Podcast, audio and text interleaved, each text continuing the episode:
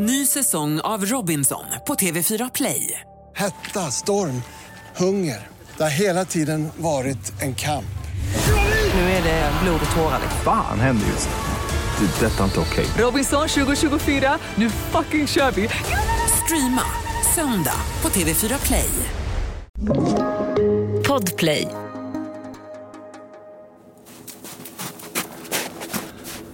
Snön yrde runt mig.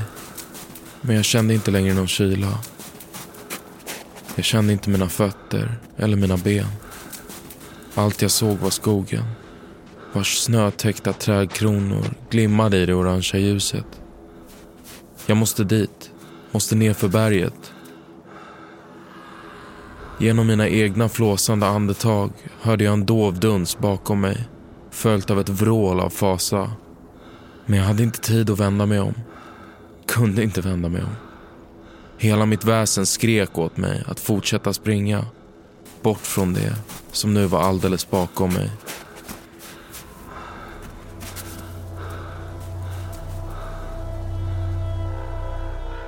Välkommen till Oförklarliga fenomen. Ett program där jag, Evelina Johanna, Och jag, Tom Schäferdik.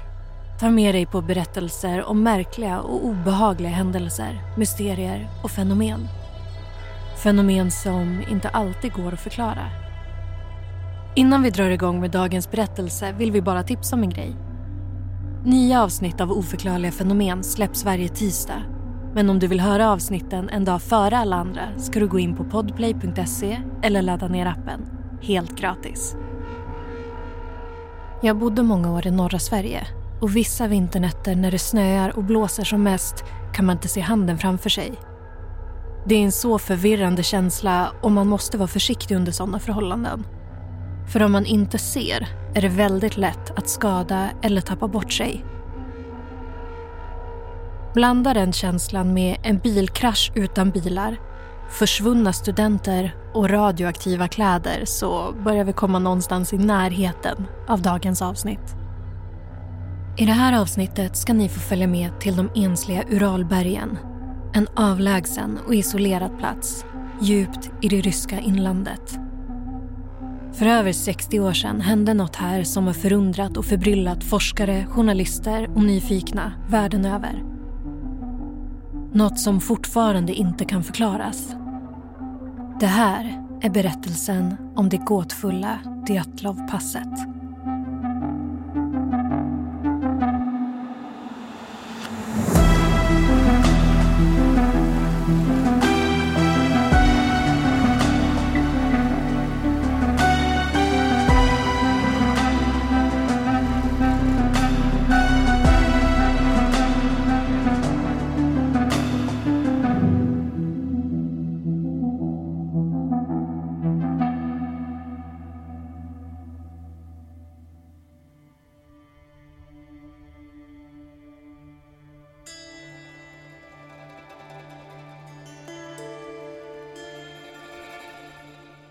iskall januaridag år 1959. Djupt inne i Sovjetunionen, vid Uralbergens rand, ligger byn Vichai. Om man ens kan kalla det en by. Det är mer en samling små trähus slumpmässigt placerade på ett kargt fält. I byns enda gästhus har just en grupp på tio medlemmar flyttat in. De flesta av dem är studenter vid Uralbergens tekniska universitet och alla är duktiga skidåkare av andra graden. De ska ut på en två veckors lång expedition för att få sitt tredje gradcertifikat. Det högsta möjliga. Uralbergen i januari är en ogästvänlig plats. Soltimmarna är få och vädret hårt. Under dagarna stiger temperaturen sällan över 14 minusgrader och om nätterna kan det bli så kallt som minus 40. Sista natten i Versailles tillbringar gruppen därför framför en brasa medan varje person tuggar i sig så mycket bröd de bara orkar. De bygger upp ett lager av energi inför den kommande expeditionen och går till sängs varma och mätta. Tidigt nästa morgon, tisdagen den 27 januari, ger de sig iväg. In bland de mörka bergen.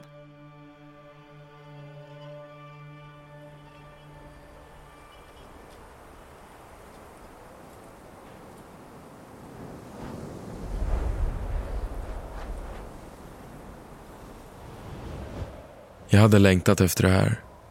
Efter den friska luften i lungorna, det vidsträckta landskapet, tystnaden. Det var allt för länge sedan nu. Plugget, tentorna och betongen i Jekaterinburg. Gatorna som alltid var fullproppade av människor hade gjort mig sliten och grå. Men nu skulle det ändras.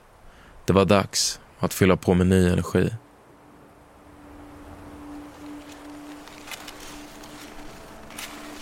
Med kisande ögon blickade jag ut över den vidsträckta terrängen.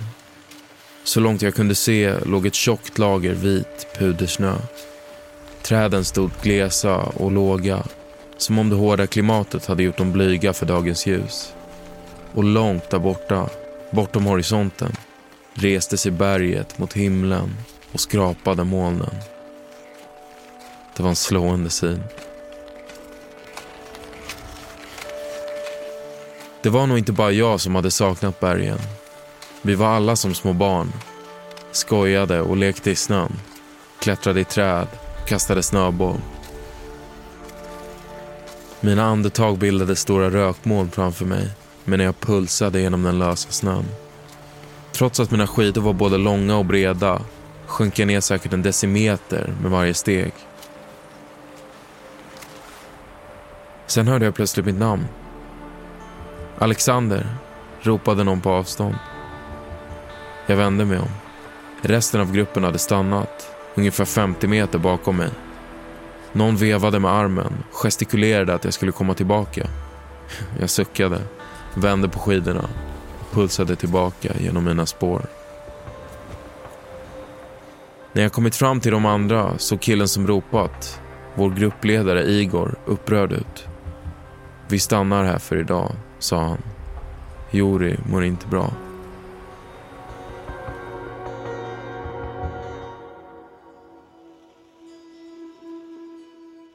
Under expeditionens andra dag bestämmer sig en av deltagarna, Jurij Jefemovic-Judin, för att avbryta resan.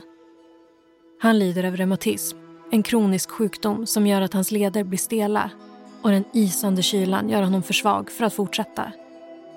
Uppriven och frustrerad återvänder Juri till Vishai med besvikelsen högt upp i halsen. De resterande nio gruppmedlemmarna fortsätter sin vandring. Expeditionens ledare, den 23-åriga Igor Dyatlov, ska ta med dem på en två veckors lång hike. Han har lovat att skicka ett telegram till deras sportklubb så fort de kommer tillbaka till Vishai. Enligt beräkningarna skulle det bli som senast den 12 februari.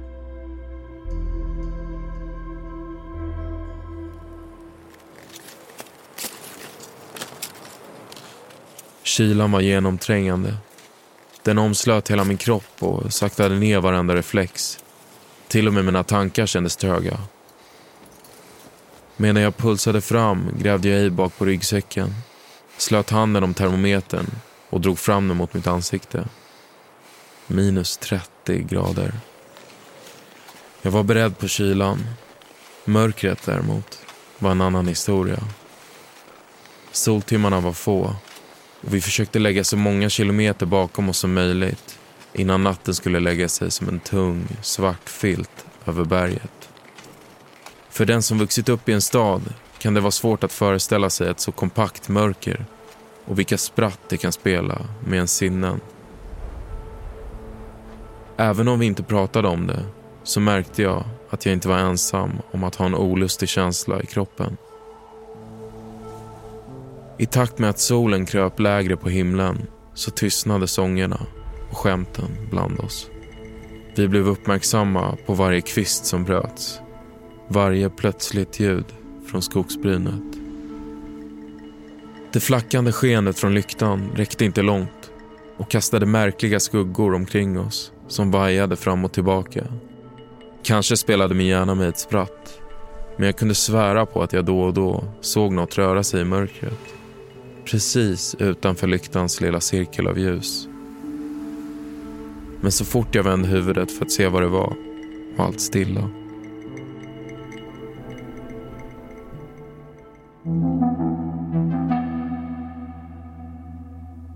Ny säsong av Robinson på TV4 Play.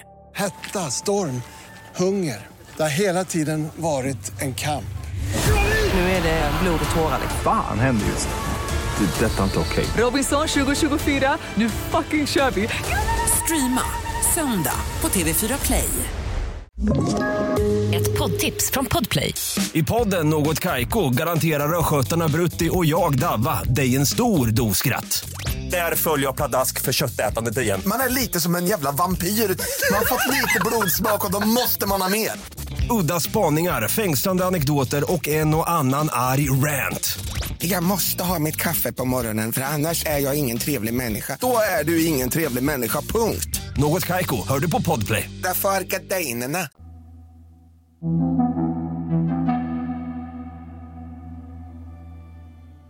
Något telegram kom aldrig från gruppen. Den 12 februari passerar, sen den 13 och den 14 utan minsta livstecken. Till en början oroar sig ingen. Förseningar under sådana här expeditioner är inget ovanligt. Alla i gruppen var duktiga, kunniga och vana vid den här typen av extremsport. De hade säkert bara blivit sinkade på grund av vädret. Dessutom hade de haft med sig extra mat och tagit till alla typer av försiktighetsåtgärder man skulle kunna tänka sig. Jag blundade och försökte föreställa mig hur det skulle kännas att komma hem. Att få krypa ner i en varm säng. Med brasan som sprakade i bakgrunden. Och med vetskapen att jag hade klarat det. Stolt, nöjd och mätt.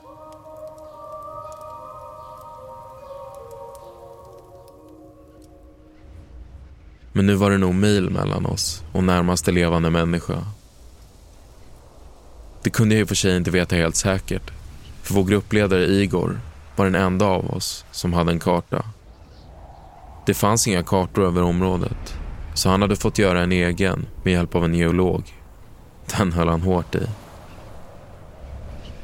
Något som jag visste, däremot, var att berget där vi skulle slå läger kallades Kola Chakil av Mansi-folket, ursprungsbefolkningen i området. Eller, om man översätter det, Döda berget.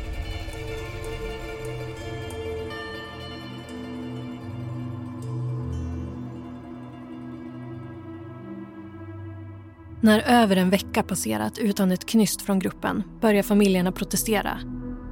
De kräver att någon skickas ut till bergen för att se om gruppen fastnat någonstans och behöver hjälp. Så en iskall morgon den 20 februari skickas en första patrull ut bestående av frivilliga studenter och lärare från det universitet där de flesta i Dyatlovgruppen pluggade. Patrullen tillbringar dagar ute i de mörka bergen men hittar ingenting. Snart sprider sig oron och både polis och militär involveras. Men det ska dröja ytterligare en vecka innan den första mardrömslika upptäckten görs.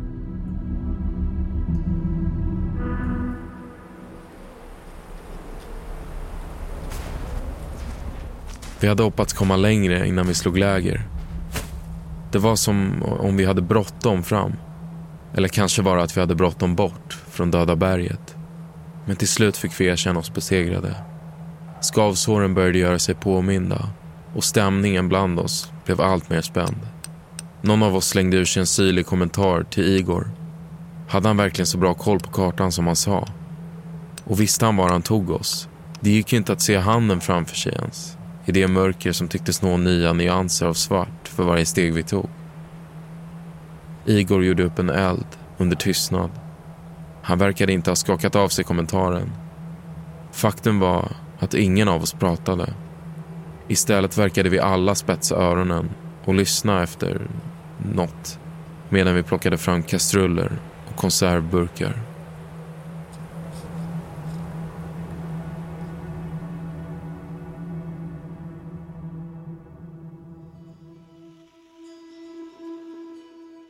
Den 26 februari, nästan en månad efter att Dyatlovgruppen lämnat Vichai och två veckor efter att de skulle ha varit tillbaka hittar spaningsgruppen ett tält uppe på Döda berget. Tältet är övergivet och överallt ligger kameror och anteckningsböcker slängda vilka alla dokumenterar gruppens rutt fram till och med den 1 februari. Men efter det datumet upphör all dokumentation från gruppen. Inga fler dagboksanteckningar är skrivna. Inga fler bilder tagna.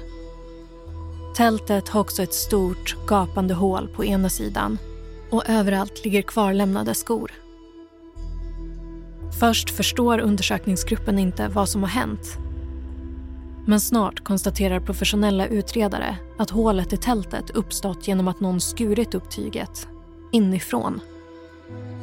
Och bort från tältet leder nio par fotsteg lämnade av fötter enbart klädda i strumpor eller till och med barfota. Utredarna följer fotspåren en och en halv kilometer nerför berget. Men ju djupare ner i dalen de kommer, desto svårare blir det att se spåren. Till slut är det omöjligt. Snötäcket är för tjockt.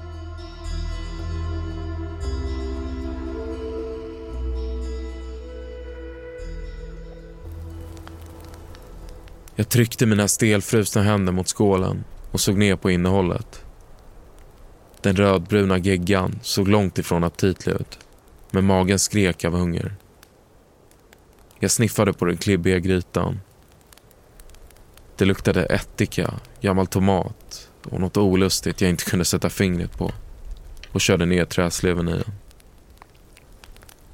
Några minuter passerade i tystnad. Till slut skrapade sleven i botten av skålen och jag kände mättnadskänslan fylla mig. Jag reste mig långsamt och vände mig bort från brasan. Gick några steg rakt ut i mörkret, satte mig på huk och körde ner skålen i snön. Medan jag skrapade av matresterna lät jag tankarna vandra iväg till Juri. Stackars grabb. Det skulle säkert dröja ett år innan han fick en ny chans att ta ett tredje grads certifikat. Det skulle inte komma en ny grupp förrän hösten och då... Jag blickade ut i den mörka natten. Hade jag inte hört något? Det lät som... Nej, det kan inte ha varit. Ändå tog jag två steg extra ut i snön och kisade. Men allt var becksvart. Och oavsett hur jag spände öronen kunde jag inte höra någonting annat än vindens susande. Jag stod så i några sekunder innan jag sakta backade bakåt mot lägerelden igen. Någonting var inte som det skulle.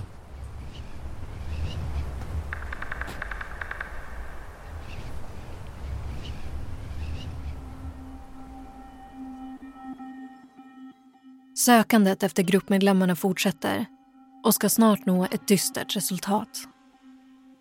Intill ett skogsbryn, ungefär en och en halv kilometer från det övergivna tältet hittar spaningspatrullen resterna av en eld. Och bredvid den två döda kroppar. Båda saknar skor och har bara underkläder på sig. Under en senare obduktion konstateras det att de dog av hypotermi, alltså av köld. Men att de strax innan deras död försökte klättra upp i det cederträd som de hittades under. Obduktionen innebar även en annan obehaglig upptäckt. Båda kropparna hade något som kallas likblåmärken. Alltså en typ av rodnad under huden som uppstår när blodet i en död kropp sjunker mot marken. Problemet var bara att märkena hittades på fel sida. Alltså inte på den sida av deras kroppar som pressats mot marken när de hittades. Hade kropparna vänts efter deras död? Och var hade de resterande medlemmarna av expeditionen tagit vägen? Kunde de finnas kvar där ute någonstans? Vid liv?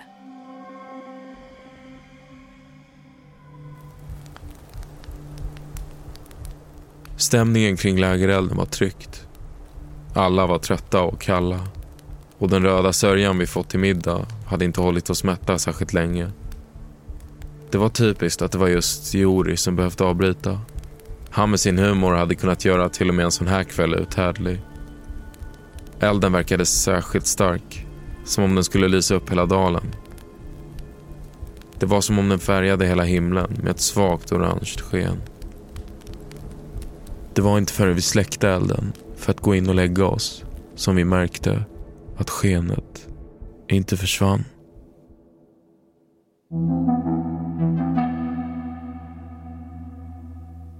Ny säsong av Robinson på TV4 Play. Hetta, storm, hunger. Det har hela tiden varit en kamp.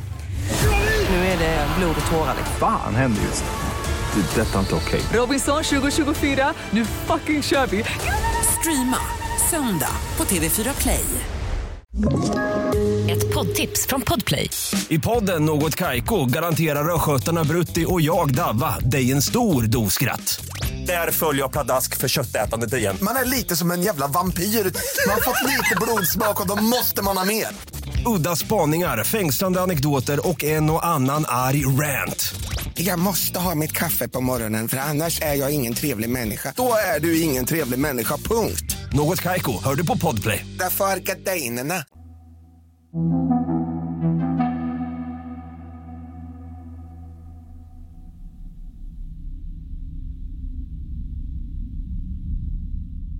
Under de följande dagarna hittas ytterligare tre kroppar utspridda mellan cederträdet och tältet.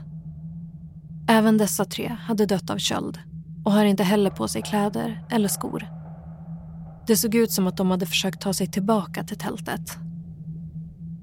Och den 4 maj, två månader senare, hittas de sista kropparna begravda under fyra meter snö. Och när de obduceras förstår man snabbt att bara en av dem har frusit ihjäl. De andra tre hade dött av yttre skador orsakade av kraftfulla slag mot kroppen. En har ett krossat skallben och två har allvarliga skador mot bröstet. De har inga skrapsår eller skador på huden utan någonting har tryckt på dem tills benen i kropparna knäckts.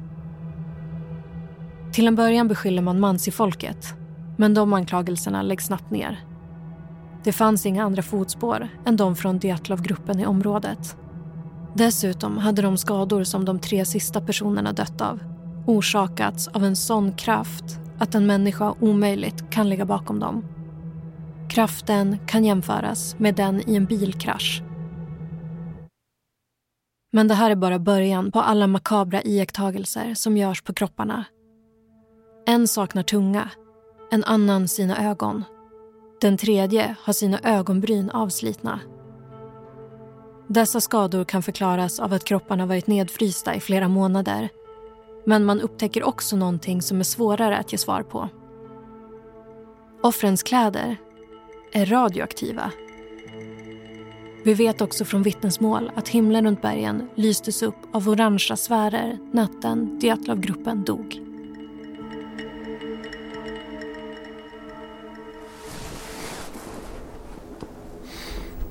Jag drog filten hårdare runt mig och vände mig om. Pressade ihop ögonen, hummade för mig själv och försökte att tränga undan tankarna.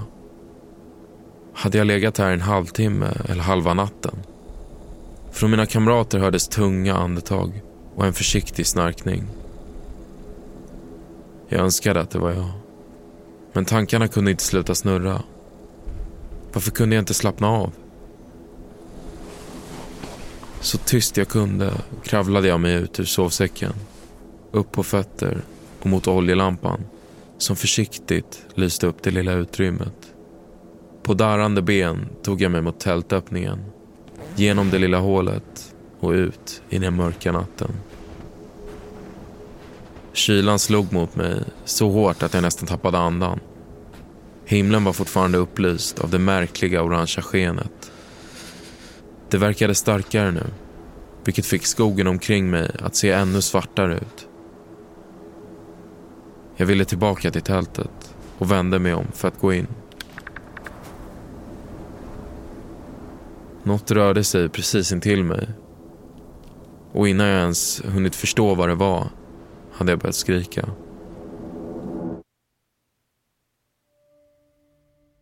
Under åren har folk från hela världen försökt förstå och förklara vad som hände den där februarinatten 1959. En svensk-rysk undersökning från 2019 föreslog att svaret skulle kunna vara en katabatisk vind. Alltså en typ av intensiv vind som färdas ner för en sluttning. Eftersom gruppen hade varit så högt upp hade de kanske tvingats ut ur tältet och ner för berget. Kritiker menar dock att tältet i sådana fall borde varit betydligt mer skadat. En annan hypotes riktar blicken mot den sovjetiska staten. Det skulle inte varit omöjligt att en militärövning hållits i närheten av tältet. Att höga explosioner skulle ha väckt gruppen under natten och fått dem att fly i panik. Detta skulle även förklara de orangea sfärerna och de radioaktiva kläderna. Många pekar dock på att det enda ovanliga med Dyatlov-utredningen var hur transparenta de sovjetiska myndigheterna faktiskt var. Hela utredningen har dessutom varit helt öppen för allmänheten sedan 80-talet. Och om kläderna blev radioaktiva av en militärövning, varför blev inte hela området utsatt? En populär teori idag är att gruppen flydde i rädsla för ett enormt lavinras som aldrig kom. Gruppen var kunnig om risker i naturen. Kanske för kunnig för sitt eget bästa. Under natten hade ett kraftigt snöfall och snabbt sjunkande temperaturer inneburit en förhöjd risk för lavin. Kanske hade gruppen varit på helspänn för minsta ljud och lämnat tältet i panik när en mindre mängd snö börjat falla ner för berget. När de sen försökte hitta tillbaka gick de vilse i mörkret. Men det finns fortfarande många frågetecken som aldrig rätats ut. Varför var vissa av gruppens kläder radioaktiva? Hur uppstod egentligen alla de skador som hittades på gruppens kroppar? Och vad var det för orangea sfärer som lyste upp himlen den där mörka februarinatten? Det enda vi med säkerhet kan säga är att ingen egentligen vet.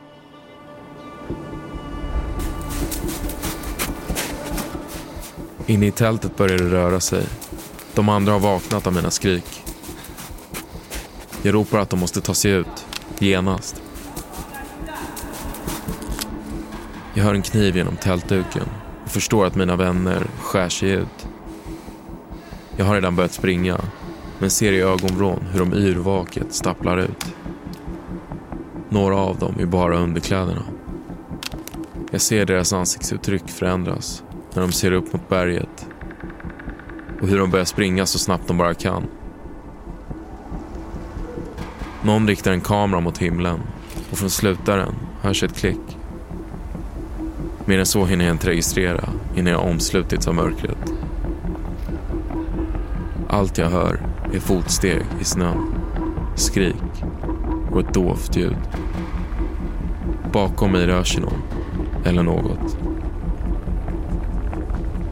Det närmar sig med oväntad snabbhet. Sen slås jag till marken.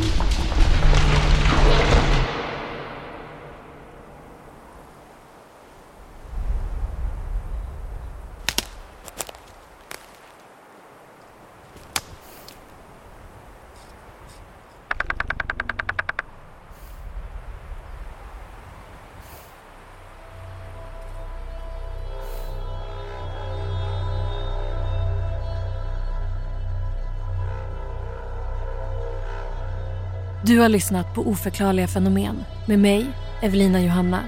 Och mig, Tom Schäferdik.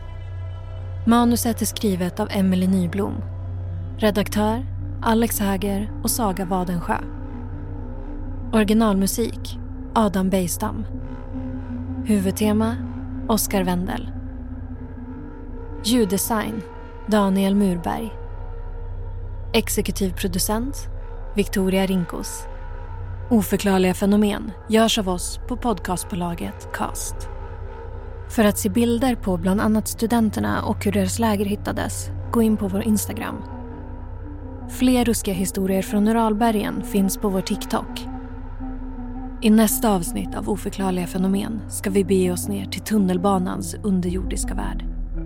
I decennier har berättelser om Silverpilen, tåget för de döda, skrämt stockholmarna. Myten säger att ett hemskt öde väntar den som råkar gå på det sällsamma metallfärgade tunnelbanetåget.